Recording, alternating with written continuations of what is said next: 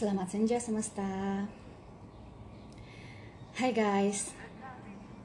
Selamat datang kembali di podcast gue Selamat Senja Semesta. Dan ini adalah episode kedua gue ngobrol-ngobrol di senja bareng sama Mbak Purom. Jadi kalau yang belum dengerin episode pertama uh, dari Mbak Purom ini, jadi Mbak Purom ini adalah uh, sosok luar biasa yang berhasil survive dari COVID-19 dan pernah di Wisma Atlet selama 20 hari. Dan untuk di sesi yang kedua ini, uh, kita akan uh, bacakan beberapa pertanyaan dari teman-teman yang udah nitip pertanyaan ke uh, story gua untuk kita langsung tanya ke Mbak Purom. Jadi di sini sudah saya hadirkan kembali. Hai Mbak Purom. Hai Mbak. Iya, jadi memang Mbak Purom ini kan pribadinya ceria ya, heboh, seneng. Jadi aku tuh seneng banget dengernya gitu loh. Mbak Purom, ya, jadi ini kita ya, melanjutin gimana, yang tadi ya Nah, langsung aja ini pertanyaannya sebenarnya udah bejibun, tapi mungkin iya. karena ini pertanyaannya mungkin mewakili banyak uh, kepala yang sama, jadi mungkin ini udah aku saring-saring beberapa aja mungkin yang bisa uh, apa ditanyakan langsung ke Mbak Purom nih kesempatan okay. kali ini. Ini langsung aja nih Mbak ya. Iya ya, nggak apa-apa Mbak Din. Mbak Purom, uh, perawatan di Wisma Atlet itu beneran gratis atau bayar? Gratis mbak. Benar-benar gratis. Tis tis jadi nggak ada sepersen gak uang pun yang keluar. keluar. Gak ada. Tapi gak waktu ada. itu uh, baju-baju segala peralatan semuanya yang pribadi ya bawa dari ya. rumah sendiri ya? Bawa dari rumah sendiri. Mm. bawa kalau, dari rumah sendiri. kalau makanan yang makanan inti mungkin disediain tapi kalau yang cemil-cemilan kesukaan itu bawa sendiri. Iya bawa sendiri. Mm. jadi ini yang, terjawab. yang wajib-wajib yang wajib-wajib sih semuanya udah disediain sama mereka di sana ya. Mm. kayak penginapan maksudnya tempat tinggal sama makan tuh udah di cover mereka semua obat obat makan sama tempat tinggal semuanya udah di cover sama mereka Iya, jadi anggaran pemerintah ratusan triliun itu benar-benar dirasakan oleh Mbak Putri dan yang lain di sana ya. Ya, benar, benar. Oke, okay, satu pertanyaan. Nih, udah dijawab ya. Ini Ukti nih yang bertanya nih.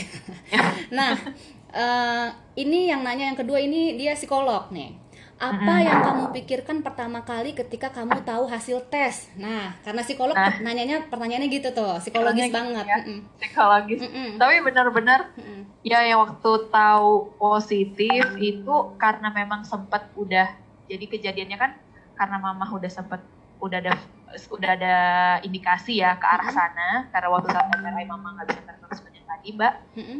Jadi aku udah feeling aku setengah kayaknya gue covid gitu loh mbak. Hmm, jadi udah waktu ada. hmm, tahu hmm, hmm. waktu tahu waktu tahu positif itu ya kaget pasti kaget. Hmm. cuman ya mungkin kalau misalnya aku nggak ada apa-apa mungkin aku bisa pingsan gitu ya. Tapi ini karena udah ada awalan hmm. awalan yang kayak tadi jadi aku kayak ya udah terus gimana? gitu ya terus harus apa? gitu. Yang cuma aku pikirin tuh cuman mamahku sama anak-anak itu aja mbak. Gimana mamahku gitu gimana anak-anakku gitu jadi walaupun awalnya nggak ada gambaran kepikiran sama sekali kalau ini adalah gejala atau tanda-tanda COVID, tapi akhirnya setelah sudah ada hasil yang duluan uh, positif atau udah ada waktu mama di IGD ya waktu itu ya, ya kok ya. disuruh tarik nafas tapi nggak bisa tuh udah bisa, mulai agak-agak ya. kebuka gitu kayak kebuka, ada iya. kemungkinan iya. nih gitu ya Ide, uh, uh, uh, iya. jadi pas uh, positif sebenarnya kaget tetap pasti tapi pasti, udah ada ya berapa persen pasti udah ada agak-agak ya. mungkin gitu ya iya uh, uh, bener mbak nah ini ada lanjutannya tadi kan sempat concernnya itu kan uh, adalah anak-anak dan juga keluarga ya Iya. Nah, ini ada ada ada yang ada yang uh, pertanyaannya agak nyambung nih. Uh-uh. Uh, ini teman aku, ini geng aku nih.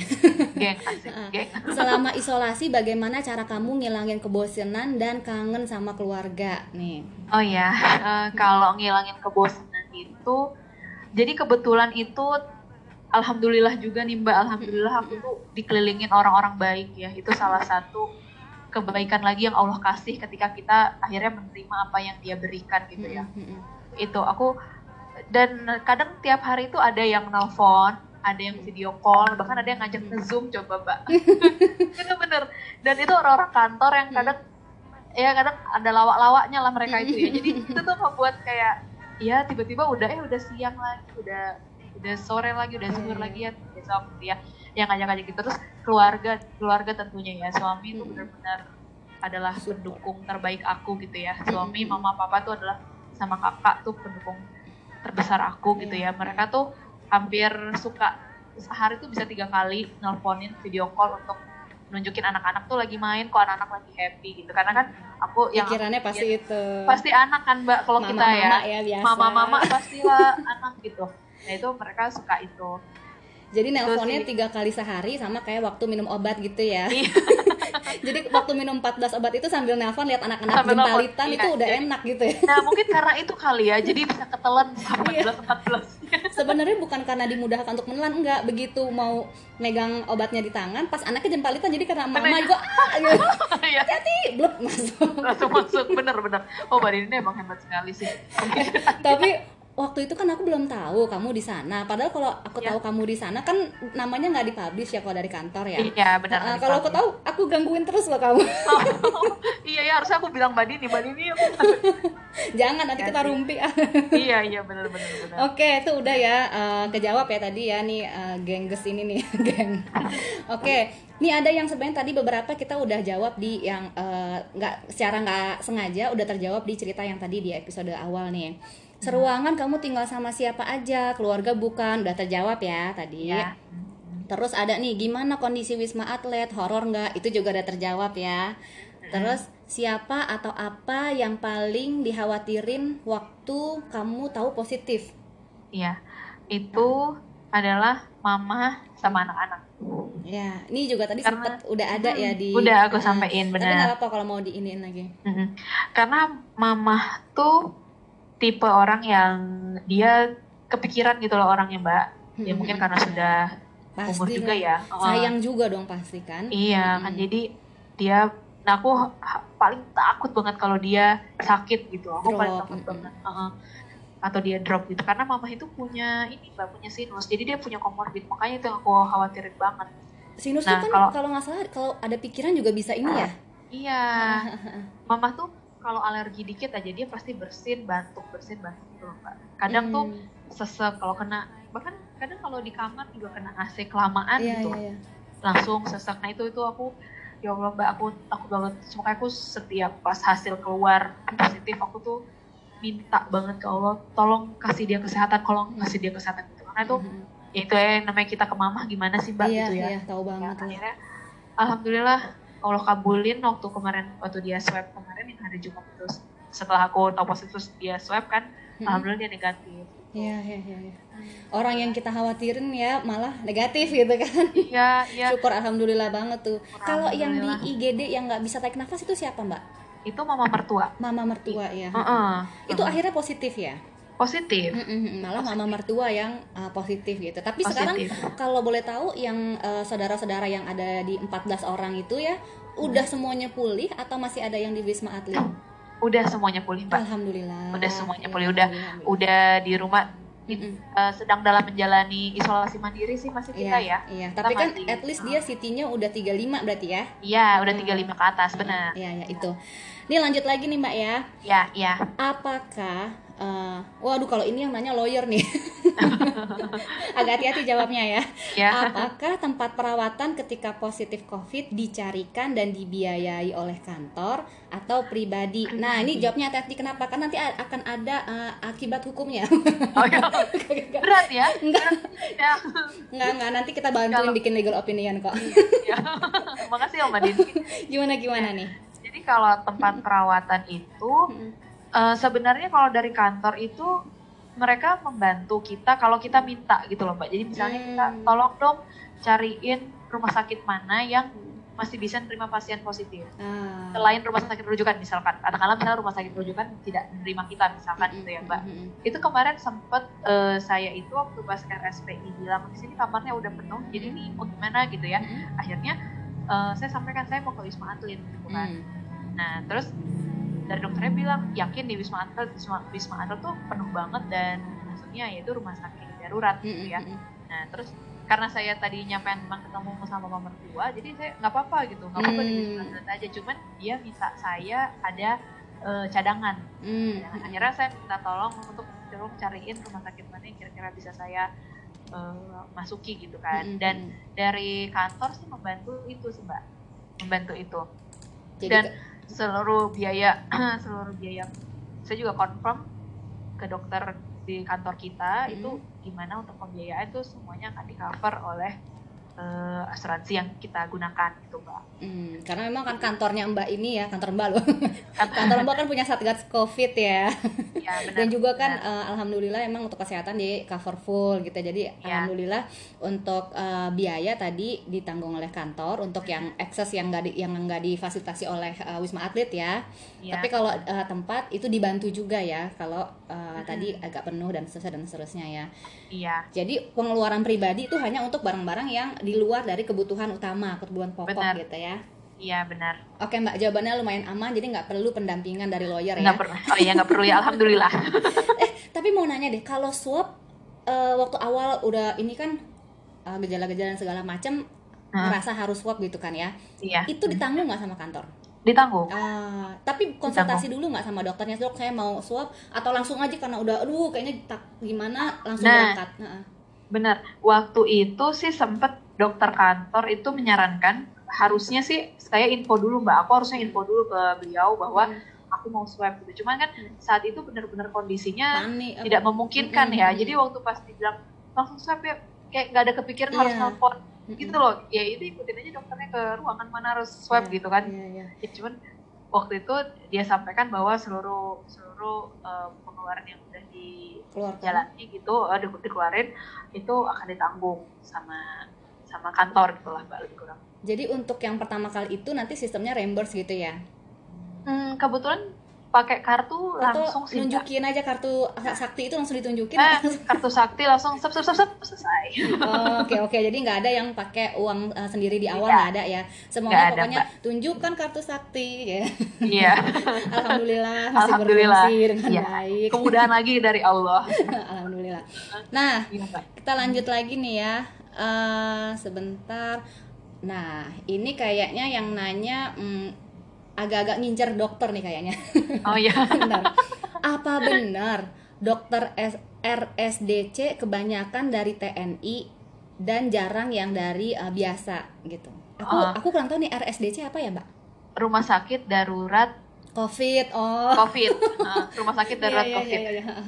bener nggak sih Ah. itu dari TNI kalau TNI kan agak gahar-gahar eh, ini ya maksudnya steril iya gitu. eh, gimana? Aku sih nggak tahu ya karena kan mereka semua pakai baju hazard Ah, itu ya.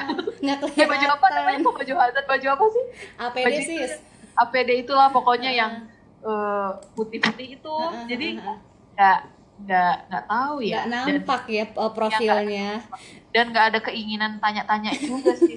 Karena dokter Karena juga aku pasti fokus- kewalahan ya kayak iya karena fokus-fokus aja. fokus buat sembuh waktu itu. Nggak masalahnya mereka juga takut ngobrol lama-lama sama kita mbak. Oh, mungkin ide ide aja nih ya buat pemerintah. Mungkin itu dokter-dokternya di depannya dikasih CV gitu. Jadi kalau kalau kelihatan umurnya masih muda, agak lajang itu bisa kita intip-intip dikit. oh iya itu arahnya kalau ke sana bener juga sih bener. Aduh, itu jadi uh, jawabannya gitu ya, uh, ibu-ibu yang mencari tahu ke dokter untuk anaknya mungkin nggak nggak tahu ya mbak karena semuanya full APD dan uh, Ya. minim komunikasi karena untuk menjaga satu sama lain gitu ya. benar benar mbak Nah, terus kita lanjut lagi nih. Oh, ini kayaknya lagi kuliah psikolog juga nih. Apa yang kamu pikirkan selama 20 hari di sana? Tuh. apa yang aku pikirkan selama 20 hari di sana Gajian mungkin kepikiran. oh oh, itu pasti dong. iya itu pasti itu, itu tak terlupakan Om. kalau ini kan pasti jelas eh, kondisi di rumah ya Mbak. Hmm, Kondisi mm, di rumah gimana dan aku selalu sampein kalau aku baik-baik aja padahal eh, habis ngomong baik-baik aja terus nangis ngomong ke mama gimana kata mama aku sehat aku happy kok di sini terus Hmm. telepon mati langsung gitu. ya ya yang aku pikirin tuh paling besar adalah rumah ya karena memang keluarga ya. keluarga ya Mm, mm, mm. Eh, maksudnya kita ibu kan porosnya ya mbak Mm, mm, benar, rumah. benar. terus aku khawatir gimana karena semuanya selama aku di sini kan ya mama mau masak kayak dari mau masak apa mau Mm. eh, anak-anak nanti mau Mm. dimakan snacknya jam berapa Mm, yang mm, kayak mm, gitu-gitu terus hal-hal remeh-temeh kan Mm, mm. ke kita semua pertanyaannya kan Iya, mbak jadi benar. aku bayangin gimana kalau nggak ada gitu sih Iya, iya. cuman selama ini itu uh, kenapa tadi aku bilang suamiku adalah salah satu pendukung terbaik ya karena dia bisa mengatasi itu semua gitu. bahkan uh, dia belajar masak nggak tahu kenapa dia jadi belajar masak buat di rumah mbak. Emang kalau kita dengar cerita ya katanya maling itu kalau dalam keadaan terdesak dia bisa loncat sekian meter. Nah oh, mungkin gitu ini ya? juga sosok bapak-bapak yang tadinya hobinya rebahan begitu keadaan darurat dia bisa jadi ibu. Iya iya. Dia kayak harus Gota membutuhkan dia. Jadi langsung bangun yeah. gitu yeah. jadi... tapi aku setuju banget. Keluarga itu emang hal yang utama ya. Kenapa? Karena yeah. aku pernah nih ngobrol sama orang dan kebetulan dia cowok ya. Aku bilang uh, keluarga itu emang uh, apa namanya support sistem kamu banget ya. Terus tau nggak dia jawab apa? Apa? Bukan support system main system. Hah? Wah aku kaget oh. banget sih cowok bisa jawab kayak gitu. Itu yeah, adalah yeah sistem utama bukan lagi pendukung iya, tapi bukan utama lagi itu benar. Aduh aku benar. baru sadar banget maksudnya pas tadi lagi ngobrol-ngobrol waktu itu ya. Iya, oke okay, nih dari hal remeh sampai hal kompleks pokoknya keluarga itu pasti jadi pikiran ya kak sama 20 hari. Oke. Okay. ini ada yang agak lumayan ini nih ini. Kayaknya kita bisa jawab dengan baik nih. Iya. lebih percaya penyakit atau keimanan atau keyakinan? Nah coba penyakit versus keimanan coba mbak kalau percaya penyakit maksudnya di sini apakah kita percaya adanya penyakit itu? Ya aku percaya mbak. Eh suara aku mbak suara agak-agak hilang nih. Ya halo? okay, okay. kalau kita bicara tentang nah. penyakit itu ada atau tidak hmm. dia ada dia itu beneran ada atau enggak sih? Karena hmm. uh, kan nggak kelihatan ya masalahnya hmm. gitu kan? dan aku percaya virus itu ada. Virus itu benar adanya. Makanya aku setiap uh, ditanyain gitu ya aku selalu sampaikan memang itu ada. Jadi untuk sementara nggak usah berpikir deh ini adalah elit politik lah apalah pemerintah. Makanya aku sempat pernah story tentang itu karena ada beberapa temen yang masih mengasumsikan si covid ini adalah salah satu bentuk politik gitu lah mbak. Aku lebih nggak ngerti. Nah itu itu aku yang kadang-kadang uh, agak kecewa gitu. Ya maksudnya kalau misalnya beliau tidak mau pakai masker tidak mau pakai ya itu udah urusan lo tapi lo jangan bawa bawa orang lain gitu ya, pilihan. Lebih kurang. Itu pilihan. Terus dengan keimanan keyakinan. Tentunya itu aku yang tadi aku sampaikan di episode awal ya mbak ya bahwa uh, dengan dengan kita mempercayai bahwa Allah bersama kita mm-hmm. kita berarti beriman kepadanya gitu kan mbak? Mm-hmm. nah itu akan semuanya di dia dibuka jadi aku percaya penyakit itu ada dan tapi aku percaya Allah bersama kita. Iya yeah, pasti. Jadi uh, Allah bersama kita untuk ngelewatin ini semua gitu. Yeah. seperti itu Nih kalau aku boleh nambahin ya Mbak ya, ya. bukannya gimana-gimana. Kita kan kalau ada Ustadz Halid ke kantor, kita kan paling depan. Iya. Tapi kalau ada dance company ke kantor, kita juga paling depan gitu kan. Iya. Ini kalau aku boleh nambahin dikit ya. Uh, buat gua pribadi, uh, tapi ini bebas ya. Kita nggak bisa nyandingin yang namanya penyakit atau keimanan nggak bisa. Kenapa? Hmm. Jangan lupa kalau kita kalau kalau mau agak sedikit rajin ada loh hadisnya orang-orang yang mati syahid itu sebabnya karena apa aja salah satunya ada yang tenggelam ada yang sakit perut nah salah satunya dari dari beberapa uh, yang disebutin di hadis itu adalah kalau dia kena wabah atau toun dan menurut gua mau ini dibikin mau ini konspirasi bisnis dan segala macam ini ya. adalah wabah virus tuh wabah gitu loh benar, jadi benar. Uh, untuk orang-orang yang wafat karena wabah ini in my humble opinion itu masuk ke hadis itu sehingga syahid. Jadi jangan pernah jangan pernah menyandingkan yang namanya penyakit atau keimanan. Justru kalau kita percaya sama penyakit itu artinya kita beriman. Kenapa banyak Benar. banget yang kita ngatur bahwa uh, misalnya setiap penyakit itu ada obatnya, ya kan? Ya iya ya benar, ini benar jangan, jangan coba disandingkan gitu karena ini dua hal yang emang kita kita imani dalam agama kita gitu loh setuju ya kan? mbak setuju. Ya gitulah mbak kira-kira dikit-dikit ya. saya mah agak paham. Iya ah, luar biasa ya mbak ternyata. Gitu jangan disandingkan kewajiban kita adalah ikhtiar ya kan? Kalau misalnya benar, kita nggak ikhtiar nggak pakai masker kan sama aja kita uh, jempalitan di tengah jalan tol iya, gitu iya benar benar. Gitu nih ya. udah nih tadi ya hmm. itu kemudian ada lagi oh ternyata jawaban Mbak tadi ini ada juga menjawab pertanyaan yang apa pesan untuk orang-orang yang nggak percaya kalau COVID itu nah, ada. Oh ya itu. itu jadi Mbak ini sambil cerita ya. Uh, jadi waktu saya waktu aku udah di Wisma Atlet beberapa hari gitu ya, uh, barulah beberapa teman ada yang ngeh gitu kan. Eh, lo ini ya, lo ini. Ya, aku bilang aku positif loin ya, bla bla bla. Sampai adalah satu temen, teman lama ini ya. Maksudnya uh, maksudnya bukan bukan eh, temen waktu SMA gitu ya Mm-mm. temen waktu SMA terus bilang eh beneran ada ya itu penyakit? Ya itu rasanya aku kayak Iya emang ada gitu kan emang ada. Terus gue di sini sama jutaan orang jutaan puluh banyakan orang di wisma atlet ini apa kalau nggak ada penyakit itu gitu kan mbak. Penyakit Jadi itu? jangan-. Hmm, jangan jangan apa ya jangan ya jadi masih banyak mbak masih banyak di luar sana. Ya di luar sana tuh orang-orang berpikir ini tuh sebenarnya nggak ada. Hmm. buat buat ini tuh adalah eh, apa ya ini adalah konspirasi ini adalah ya silahkan kalau dia mau kalau kalian-kalian di sana mau berpendapat demikian mau meng- meng- apa ya meyakini kayak gitu silahkan tapi kalau usah bawa-bawa orang lain lah. Jadi aku selalu bilang ini kalau mau mati mati sendiri aja deh nggak usah ngajak-ngajak orang. Maksudnya dengan nggak pakai masker nggak pakai masker dia udah nyerang orang lain kan Mbak? ngajak-ngajak lo itu ngajak-ngajak Mm-mm. makanya ya kalau misalnya dia main dia, dia di rumah aja nggak usah ngomong-ngomong nggak usah di jalan-jalan nggak usah di luar nongki-nongki nggak usah gitu Emang kalau pertanyaannya ap- apa, apa pesan untuk orang-orang yang nggak percaya, ya emang lo nggak akan percaya penyakit Nah, ya. ini sampai ini kejadian di lo kan gitu nah aja. itu dia iya benar benar itu dia mbak makanya waktu eh, sempat ada teman teman yang membuat story tentang Hmm. Ya tentang ini pemerintah nggak ada ngada lah ngadi ngadi Mm-mm. kalau bahasa sekarang gitu ya itu tuh aku benar-benar kayak ya ya lo sampai suatu hari lu atau siapa lu Mm-mm. yang paling lo sayang kena gitu mungkin baru lo percaya mungkin kayak gitu emang harus kayak gitu gitu Iya. sampai lo tahu oh iya emang ada Iya. apa harus kayak gitu gitu Karena kan gini kita kan gini orang orang setan aja gitu ya pocong aja yang kita nggak bisa lihat nyatanya ada dan bagian dari iman lo itu ya kan. iya iya Nah, iya ini juga virus itu bukan nggak kelihatan terus jadi nggak ada ada mata kita aja punya keterbatasan ya kan gitu. benar benar banget Ah, ah, ah. Sip Begitu, mbak, sip mbak. Nih kita lanjut ya. iya Nah mbak Purom, Hmm. ini ada pertanyaan selanjutnya nih.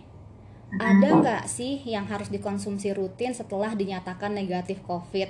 Nah, kalau itu aku sih tetap masih konsumsi vitamin C sama multivitamin ya mbak. Itu aku Hmm. tetap konsumsi sama madu hmm. sama eh, waktu di sana oh iya aku lupa cerita. Hmm. Aku di sana ngejalanin ikhtiar yang yang kayu putih itu mbak. oh oke, Heeh. Hmm, Jadi setelah hasil swab pertama positif itu aku Hmm. down banget. Mm-mm. Terus akhirnya si eh, apa namanya ya mamah ya keluarga itu kayak udah pokoknya coba jalanin minyak kayu putih ini. Jadi aku tadinya nggak percaya mbak, Hmm. cuman karena ini yang ngomong adalah mama sama Hmm. papa gitu ya. Mm-mm. Aku aku mau yakinin yang ngomong adalah orang tua. Aku pengen nurutin gitu, Mm-mm. nurutin Mm-mm. ke ini yang ya siapa tahu memang berkah gitu kan. Mm-mm. Ya aku cobain, aku benar-benar cobain. Aku beneran naruh di tengah lidah itu. Mm-mm. Terus aku minum minyak kayu Mm-mm. putihnya mbak Mm-mm.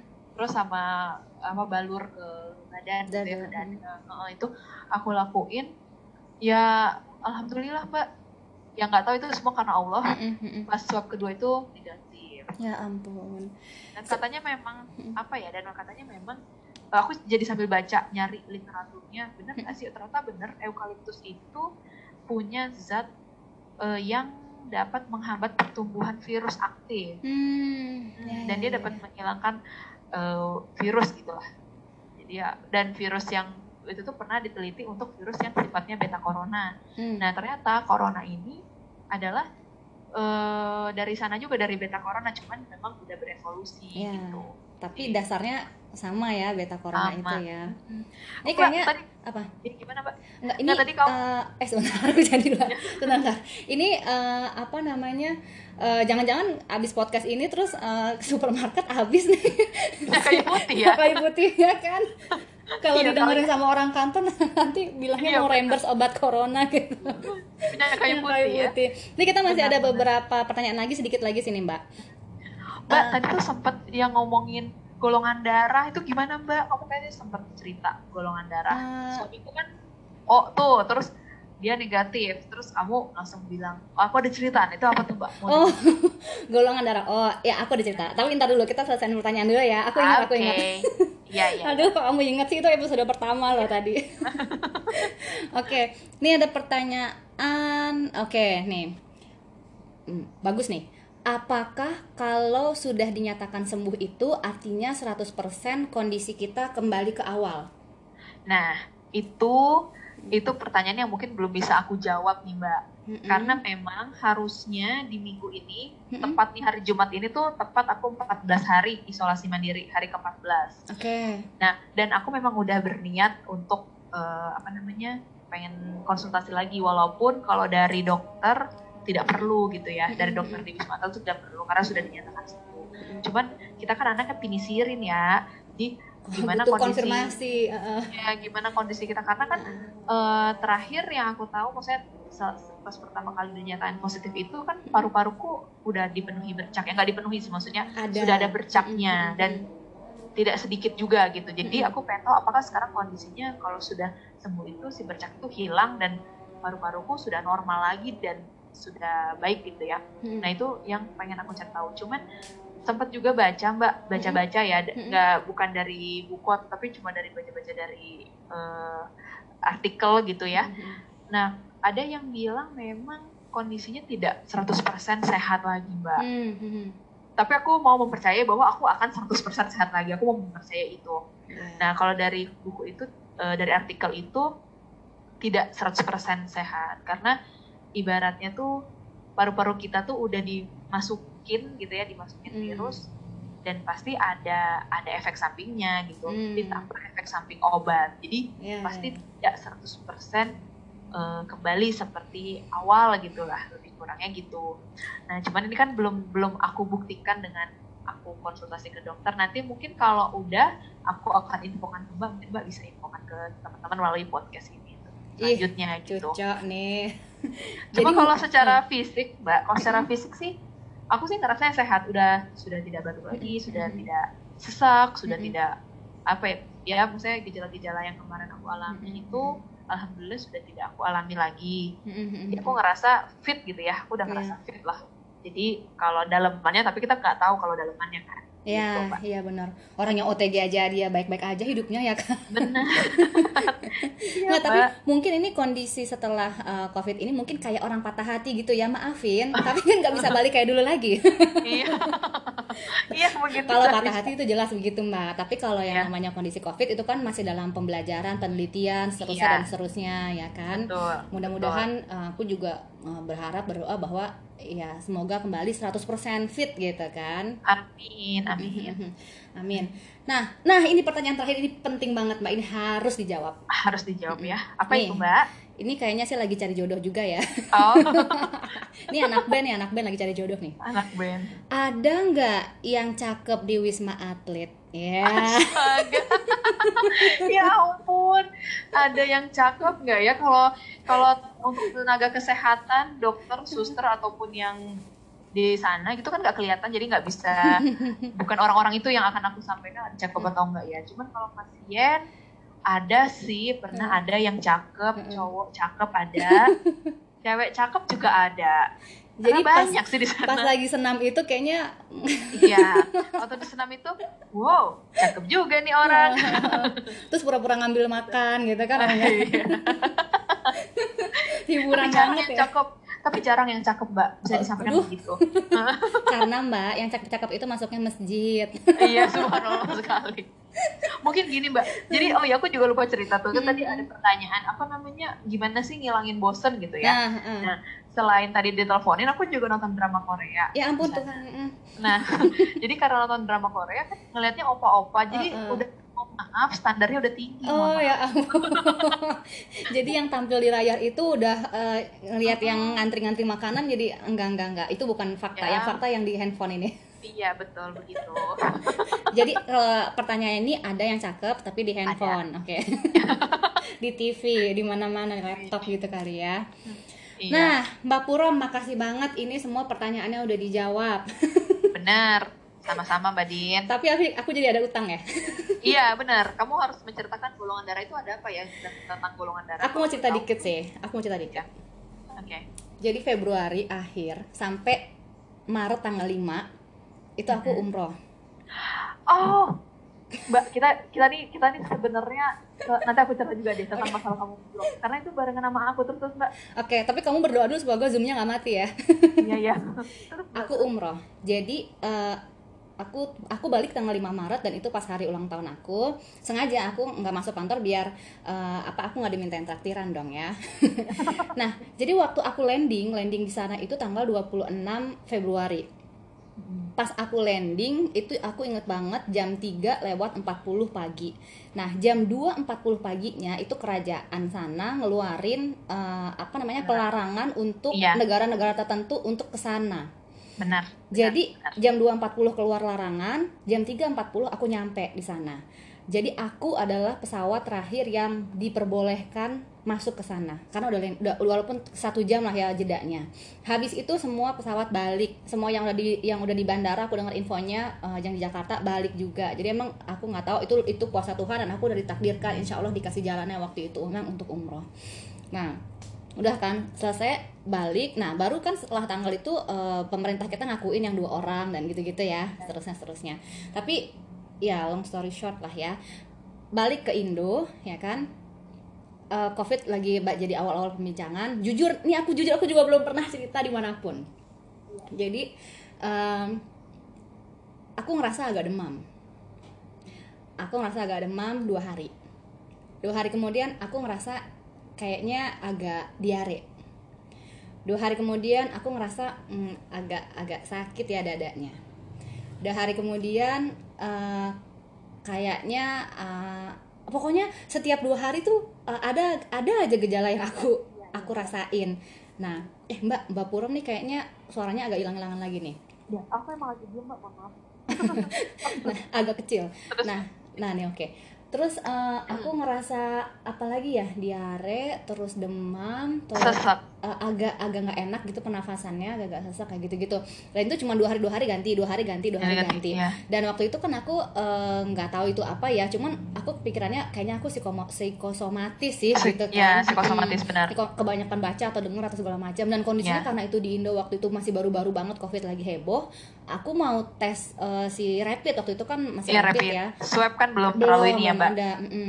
Aku teleponin tuh ke yang satgas apa yang yang covid itu tuh yang nomor telepon 021 itu. Terus dia Iya. bilang kita nggak bisa kan kayak gini kalau aku ke rumah sakit aku mikirnya aku adalah aku memaparkan diri. Di mana Iya. di sana pasti ada yang positif gitu kan. Iya benar mendingan benar. aku semedi aja kan di rumah. Aku Ah. pinginnya tuh mereka datang ke rumah aku untuk cek aku di rumah. tes iya. Heeh. Hmm, tapi mereka bilang nggak bisa. Eh, mbak mendingan ya isolasi mandiri aja kayak gitu. Nah terus juga eh, apa namanya yang namanya dari luar negeri kan tekanan dari mana-mana juga ayo dong kamu rapid rapid itu kan juga itu nggak enak banget Aduh, itu enak aku, banget. makanya aku tahu banget rasanya kamu karena aku aja yang nggak gimana-gimana dan orang-orang tuh benar-benar nggak tahu juga aku nge- nge- ngalamin yang yang yang kayak begitu gitu loh sebenarnya. iya Cuman ada ada seperti kayak tanggung jawab uh, sosial juga kalau aku tuh Iya. pengen aku tes dan aku tahu hasilnya apa gitu. Cuman Iya. karena emang nggak memungkinkan waktu itu jadi ya nggak aku di rumah aja. Terus benar-benar yang kayak katanya kan kurma ajwa itu kan uh, obat dari segala obat ya. Iya. Jadi aku benar. tiap aku tuh pagi makannya cuman uh, minum jahe, jamu jahe, terus kurma ajwa 7 terus nanti baru siangan makan-makan yang lain vitamin semua full jam 10 jejemuran sampai belang-belang ya udah nggak Iya. apa-apa aku ikutin nah akhirnya eh, hari ke hari itu a- apa namanya baik-baik aja maksudnya gejala-gejala itu tuh hilang gitu cuman yang lucunya ya kalau sekarang sih lucu ya waktu waktu Iya. kejadian hari itu sih agak-agak senewan juga gitu eh, jadi kan aku di kamar sendirian di lantai dua gitu kan mm. Nah, aku waktu itu sempat keluar karena ada hal yang mendesak banget. Nah, terus eh, pas aku lagi keluar rumah itu eh, apa anak aku, adik aku, sama mbak yang jagain anak aku itu ke ke kamar aku tidur siang nebeng di kamar aku. Iya. Ya emang kamar aku ini sangat nyaman ya. iya nebeng lah dia siang-siang di situ. Hmm. Oke, terus akhirnya udah kan hari berlalu, adekku balik ke Bandung. Nah, mbakku sama anakku ada gitu. Ternyata adekku telepon, dia bilang, aduh, gue kok badannya nggak enak, kenapa ya? Mm-mm. Heeh, Gue oke. meriang tapi yang rasanya tuh nggak enak banget gitu, kayak sakit, ngilu-ngilu dan segala macem. Mbak aku juga gitu, bu saya nggak enak gini gini gini gitu gitu, saya ibu punya obat nggak bla bla bla bla bla gitu gitu. Oh ya udah. Tapi anak aku baik-baik aja dia ya kan, tetap aja jempalitan Heeh. nah akhirnya maksudnya gini kepikiran aja gitu. Sampai hari-hari gitu baru berlalu akhirnya baru kita kepikiran. Ternyata tahu nggak? Ya aku sama anak aku itu golongan darahnya O. Oh. Adik aku golongan darahnya A. A atau B. Mbak Oh. aku golongan darahnya AB jadi emang kalau kita pernah baca literatur kalau emang eh, golongan darah yang paling em, Kuat. eh, eh, itu adalah oh ya aku nggak tahu wallahu alam aku Ah, karena aku juga nggak oh. tahu kejadiannya waktu itu tuh aku gimana gitu karena kebayang dong aku di satu tempat yang seluruh umat di dunia tuh kumpul ya kan Iya, iya, iya. Eh, eh, itu kan kebayang banget dong kita mencium Iya. kain yang sama ya kan ber Iya, ber, iya. ber, Ber- satu sama lain walaupun aku Iya. selain sholat aku nggak pernah lepas masker jadi Mm-mm. aku cuma lepas masker kalau lagi tawaf Sholat. atau sholat gitu Iya. tapi ya eh, gini kita kan nggak ada covid pun pulang umroh juga demam gitu kan Benar, pulang benar, umroh benar. tuh juga pasti batuk pilek Benar. gitu kan jadi Iya. aku mikirnya yang positif oh aku psikosomatis dan seterusnya tapi pas ada kejadian itu Iya. aku mulai apa jangan-jangan gitu kata Iya. kayak Ya gitu Allah. tapi tapi alhamdulillah sih maksudnya eh, aku juga ngetres orang-orang yang deket sama aku gitu kan Iya, Eh, iya. Baik-baik aja golongan darahnya apa? Oh ya oh mah jangan dihitung gitu kan. Iya. Iya, coba iya. yang lain-lainnya tapi ya alhamdulillah sih semuanya insya Allah baik-baik aja. Gitu sih mbak paling Si si apa si adeknya jadi juga udah sehat ya. udah Maksudnya sehat. jadi itu dia demamnya cuman kayak tiga hari gitu. Terus dia Oh, minum, minum semua minum imbus minum apa apa segala macam terus dia oke lagi. Terus kayak alhamdulillah. jemuran-jemuran gitu gitu Iya, alhamdulillah. Ah, by the way karena kamu ngomong O, aku baru ingat mamahku tuh O. oh Mamahku tuh O, kakak aku tuh O. Jadi ah. aku sama adik aku tuh A. Oh, aduh, aduh, aduh, Iya. aduh, aduh. Dan mama Iya. kamu umurnya 65 atau 63 tadi ya? Iya, ha, 65. Dan O, Dan O dan negatif. dan negatif. Ah. Iya benar mungkin Mungkin, Mungkin ada ya, korelasinya ada ya. korelasinya mungkin ya. ada korelasinya, mungkin bagaimana juga kalau enggak. kita menyusun penelitian itu, Mbak? Berat ya. Aku tesis kemarin udah susah, Sis. Udah susah ya? Udah cukup ya? Cukup nggak usah pakai disertasi-disertasi lagi. Eh, eh by the way, cerita kamu itu kita tuh ber ini Mbak, ber apa namanya? Ber Bersinergi. irisan. Oh, bener eh, sinergi eh, ini banget ya prudent banget. ya ampun. Terus eh, apa namanya? Kak, waktu pas kamu eh, umroh itu, aku Mm-mm. juga ngalamin. Jadi tapi kalau aku tuh diawali sama ke Turki dulu, Mbak. Apa apa? Kita sama. Diawali sama Aku ke Turki dulu tapi. Jadi Oh, aku tuh bulan apa? plus. Aku bulan ini juga bulan Februari juga. Oh, Kan- wah. Kamu nggak tahu deh, aku tuh dulu sempet info Mbak Dini ketahan, Mbak Dini ketahan gitu loh. Oh, Cerita yang tersiar. Mbak Dini ketahan, Mbak Dini ketahan. Oh, kalau lo mah yang nggak nggak kesampaian ya put umrohnya. Iya, kalau aku nggak kesampaian. kalau Mbak Dini malah ketahan ya. Ya udah ada jalannya gitu, maksudnya udah ada jalannya. Gitu. Sebenarnya aku bukan ketahan, emang emang dikasih jalan buat ke sana aja. Karena kalau ketahan kan aku nggak bisa pulang. Iya. Iya, Nah, tapi itu kan kalau nggak namanya pulang, cerita orang kan Iya, iya, adanya ya, Mbak ya. Mm-mm, mm-mm. Tapi ya Terus? kalau ketahan juga kan di sana askarnya ganteng-ganteng ya. Oh salah, Iya, ah, salah, salfok ya ini mau. salah. Kamu juga kalau nggak bisa baik di Turki seneng kan? iya nah terus uh, udah kita akhirnya di Turki terus akhirnya yang tadi si kerajaannya ngeluarin Hmm. surat pelarangan itu ya udah itu benar-benar kerajaan yang ngeluarin surat kita baru sampai sama deh mbak cuma Ya kita sampai di Turki. Tapi aku sampai di Turki kesalahan maksud bukan kesalahan ya jalannya begitu Eh, eh, eh, eh, kita kisah. sampai Turki terus si raja itu mengeluarkan surat lalu orang-orang Indonesia which is teman-temanku yang Hmm. sangat aktif dalam media sosial langsung heboh. Puro Puro gimana Puro gimana Puro gimana Iya, iya. sementara sama, aku yang sama. baru turun pesawat yang Iya. nggak tahu apa-apa sama. gitu kan Mm-mm. ada apaan sih orang-orang pada heboh eh, eh, barulah mereka nge-share ini ada surat larangan gitu terus lo gimana lo gimana eh, eh. mulai mencari berita-berita Iya, iya. Nah itulah terus yaudah akhirnya yaudah aku sih aku bilang sampai sejauh ini belum ada nih eh, info dari travelku untuk kita cancel apa enggak. Mm-mm. Cuman setelah dua hari itu baru dari travel kita nyatain ya kita nggak bisa ke nggak bisa umroh gitu lah itu. Mm-mm. Jadi kita akan kita akan ditambahin waktu di Turki dulu. Mm. Nah, jalan Turki ya eh, gantinya gitu sih jadi jalan-jalan di Turki terus baru pulang. Hmm. Nah sampai pulang pun orang-orang pada nggak ngebolehin aku ngantor itu sedih banget loh mbak Ah, tahu? Terus aku Tahu sampai banget. nelfon ada teman kita juga yang baru pulang dari Jepang kalau dia Oh, tahu, aku tahu juga. Di, Dan dia di terang- lantai aku kan? Iya dan dia terang-terangan nggak dibolehin ke kantor dan dia keselnya minta ampun. Iya, iya, iya. Nah kalau Turki belum masuk dalam list, List 14 itu. negara itu, mm-mm. Jadi, eh, aku aku masih dibolehin tuh ke kantor. Mm. Cuman suamiku baru pulang dari Korea kan baru dari Seoul. Hmm. dari Seoul sekitar lima hari kemudian kita berangkat ke Turki gitu. Nah, Mm-mm. gara-gara suamiku baru pulang dari Seoul itu, makanya Mm-mm. kita makanya aku nggak boleh nggak boleh ke kantor Mm-mm. itu mbak jadi kita tuh sama ceritanya Kok persis gini sih? Aku nggak tahu loh kamu. Tunggu. Jadi kamu itu eh, ngambil paket umroh yang plus Turki ya? Iya heeh. Oh, aku juga tadi hampir ngambil yang paket itu, cuman aku pikir ngapain lah kita fokus ini aja dulu, ntar Iya, kalau mau ke. Turki Turki aja gitu, nggak Oh, usah yang mau umroh itu bener. ca- pasti capeknya di Turkinya bukan di umrohnya kan gitu kan? iya iya iya benar sih Ih bener kejadian. Ih sumpah aku nggak tahu nih cerita kamu yang ini. Ih sumpah ya Iya. ampun. enggak mbak pokoknya nama kita nama mbak Dini nama aku sama nama teman kita satu lagi itu itu udah di udah udah terkenal seantero kantor kita pokoknya Iya ya udah. Di... Tapi aku juga bingung ya waktu itu. Nah ini udah bagi ke bagian gibah nih ceritanya. iya Nggak, maksudnya gini, eh, kita mau masuk kantor, Mm-mm. tapi kalau aku pribadi ya aku nggak ada nggak ada pelarangan gitu tapi untuk aku inisiatif kayak ya udah deh aku untuk menjaga semuanya aku di rumah aja. Aku juga nggak berani ngomong gitu. Ntar dikiranya emang ini anak Pengen- mau madol gitu kan. Iya nah itu. Aku nggak punya keberanian untuk bilang pas saya di rumah aja stay ya untuk menjaga semuanya. Gue nggak punya keberanian untuk itu. Jadi akhirnya pas habis eh, itu kan aku balik hari apa ya Jumat kalau nggak salah. Akhirnya ya Senin aku masuk kantor dan orang-orang ya pada ketakutan lah maksudnya. Iya walaupun sok-sok santai tapi kan pada ketakutan gitu. Iya bener-bener.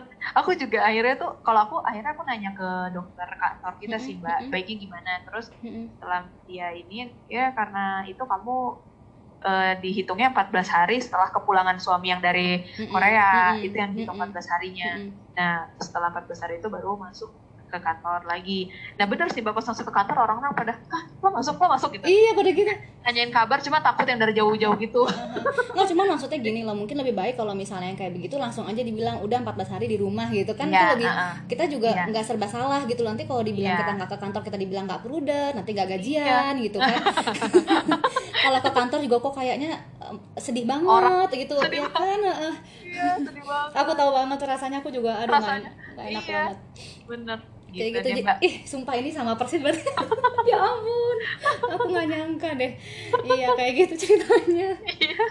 tapi gini maksudnya eh, lagi balik ya eh, perjalanan aku ke mana pun itu ya jangankan yang ke ke, ke rumah Tuhan gitu tapi iya. ke mana pun keluar kayak aku tiba-tiba WhatsApp kamu dan segala macam itu semuanya beneran udah tertulis iya.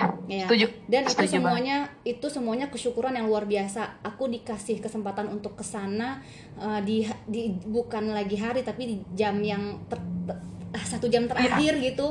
Itu Iya, juga luar biasa. Karena dari awal aku mau pergi ke sana tuh udah pokoknya aku eh, lillahi taala berangkat nggak berangkat pokoknya ini usaha maksimalku dan dan nggak ada pikiran apa pokoknya tanggalnya bebas apanya bebas dan segala macam pokoknya udah nggak nggak nggak yang gitu-gitu tuh kalau emang aku eh, diundang dan ditakdirkan untuk ke sana aku pasti Iya. bisa ke sana. Gitu-gitu bener. aja. Ya bener kan? banget itu mbak. Banyak Bener. apa ya kuasa-kuasa yang pencipta ini di luar nalar gitu lah ya. Iya jadi kalau aku bener. emang tertakdir ke sana dan akhirnya aku sampai sana itu juga pasti karenanya. Dan kalaupun karena ke sana aku kenapa-napa itu juga pasti kehendaknya kan gitu ya?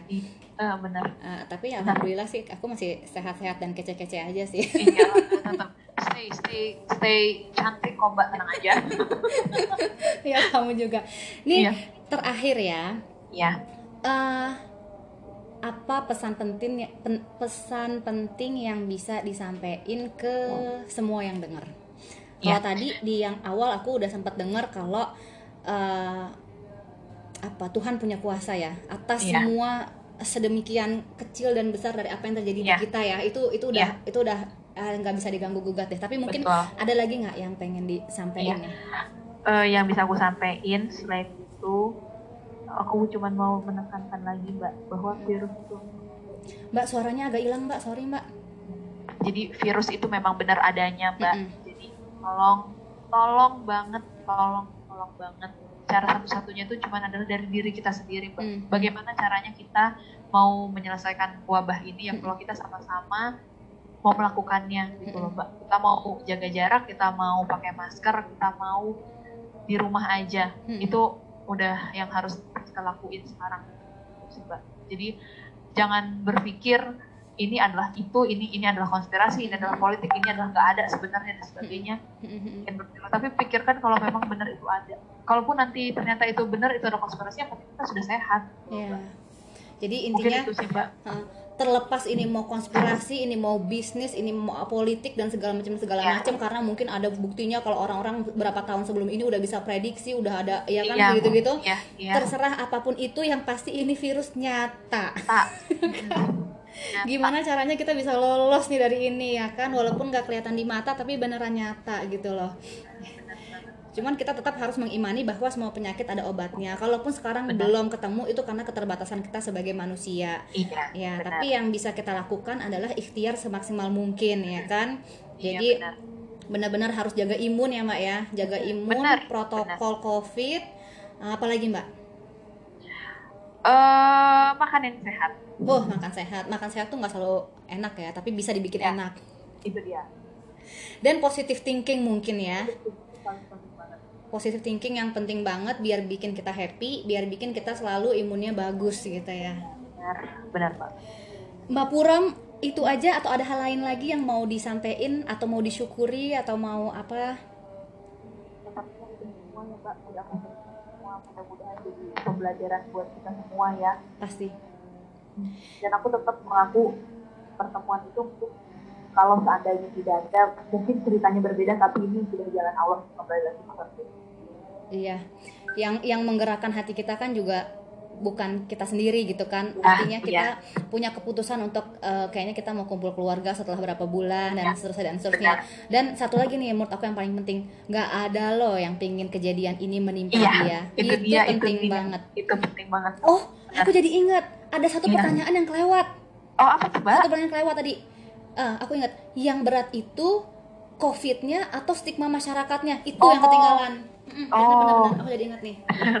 Yang berat itu adalah stigma dari masyarakat. Eh, oke. Jujur, jujur itu yang jadi mbak waktu saya tahu positif atau aku tahu positif itu aku tuh sempet kayak gimana ya harus bilang apa enggak. Tapi kalau nggak bilang nggak mungkin. Karena Hmm. kan aku nggak nggak masuk kantor kan itu Mm-mm. nggak nggak kerja gitu ya.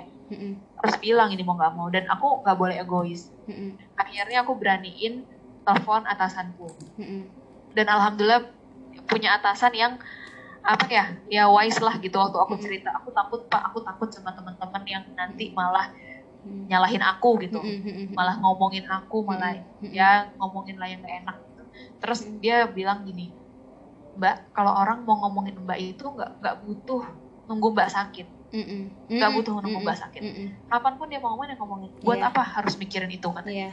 karena fokus untuk itu. Ya akhirnya aku kayak oke gue berani gue akan bilang akhirnya Mm-mm, eh, maksudnya setiap ada yang nanya ya aku akan jawab ya aku positif mm-mm. ya aku positif covid ya gitu Mm-mm. aku udah pede gitu loh mbak Iya. mm-mm. tadinya sempet sempet kayak ntar orang-orang pada gimana nah ternyata balik lagi ke tadi ketika kita udah di tahap acceptance dalam semua hal gitu ya Mm-mm. itu benar-benar dibukakan ternyata Iya. yang seperti aku takutkan enggak gitu. orang-orang tuh justru bersimpati gitu Mm-mm.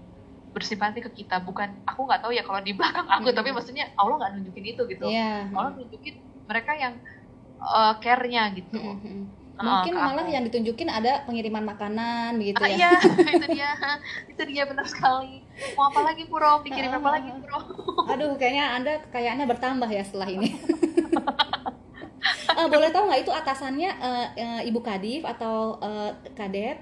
Eh, Bapak Kadep dan Ibu Kadif. Oh ya ampun Mereka- luar biasa, wise Mereka ya. berdua, eh, Hmm. mereka berdua eh, cukup ini ya, cukup mempengaruhi aku Iya. untuk berani itu ya. Iya, sih iya, iya. Itu maksudnya orang-orang di kantor yang punya eh, jabatan dan punya pengaruh terhadap kita, menguatkan kita itu luar biasa sih. luar biasa. Lebih dari cukup ya kan. Mbak Puram, kalau udah nggak ada lagi yang mau disampaikan, mungkin eh, kita harus eh, sudahi dulu karena emang rasa deg-degan aku kalau zoomnya mau mati ini nggak bisa dihindari mbak. Soalnya ini udah diputusin lagi sayang-sayangnya ya gitu ya. sedih kan. Ini soalnya udah 50 menit, terus takutnya tiba-tiba dia pergi tanpa kabar, Mbak. Oh, iya. Tadi ini. Takutnya kan gitu ya. Iya, Benar, Aduh, benar, ntar benar. layangan putus nih. Iya layangan putus, benar. Mbak Baiklah. Purom, ini aku apresiasi yang sangat luar biasa, sedalam-dalamnya, seluas-luasnya, setinggi-tingginya. Ini nggak bisa diukur pakai kata-kata. Eh, makasih banget udah mau sharing eh, di wadah ini gitu ya. Ini kan nanti juga gampang untuk bisa di-share ke yang lain yang mungkin lagi-lagi ya orang yang menjaga eh, Mbak Purom atau orang-orang yang mau nanya tapi nggak enak dan seterusnya seterusnya ini mudah-mudahan mereka dengan lewat ini bisa ada yang terjawab gitu ya. Dan lebih dari itu juga eh, ini pembelajaran buat kita semua. Kadang-kadang kita nggak perlu mengalami untuk bisa tahu rasanya benar ya kan nggak perlu loh kita jadi positif untuk bisa punya empati ya Ah, kan? benar. nggak perlu juga ada orang kena musibah yang lain gitu. Orang-orang tuh nggak ada yang pengen punya kena musibah dapat ujian dan seterusnya. Tapi kita yang punya eh, mungkin kesehatan yang dianugerahi kesehatan yang lebih baik ya kan? Mungkin finansial yang lebih baik pemikiran yang lebih dan kondisi-kondisi lainnya yang jauh lebih baik bisa mendapatkan eh, pelajaran dari apa yang mereka eh, rasakan tanpa harus merasakan langsung ya kan mbak ya iya jadi ini luar biasa sekali. Aku makasih banget. Mudah-mudahan ini ini ya cerita ini bisa jadi salah satu berat nih ngomongnya. Tapi kalau boleh ini salah satu amal jariah ya Mbak ya. Karena memberikan uh, pembelajaran dan pemahaman ke banyak Amin. orang. Amin amin, Amin, Allahumma amin. Gitu dulu Mbak Purom. Uh. Thank you banget untuk hari ini. sama-sama mbak Dini Hmm, ma- mohon maaf kalau ada yang kurang berkenan nih pertanyaannya atau jokesnya atau apanya itu ya. enggak kok enggak enggak Guys, thank you banget udah dengerin podcast gue yang luar biasa banget ini. Eh, selalu gue sampaikan bahwa kita nggak pernah bisa eh, punya cukup kapabilitas untuk bisa nilai orang lain itu benar salah atau hitam putih karena kita juga manusia biasa tempatnya salah dan lupa tempatnya dosa dan juga hilaf jadi selama kita bukan hakim yang maha agung yaitu sang pencipta kita kita benar-benar nggak punya kapabilitas untuk mengambil kewenangan itu. Jadi eh, tetap semuanya selalu makin sehat, makin bahagia dan juga makin dan banyak-banyak bersyukur. Itu aja untuk senja ini. Terima kasih sekali udah dengerin podcast gue dan selamat senja semesta.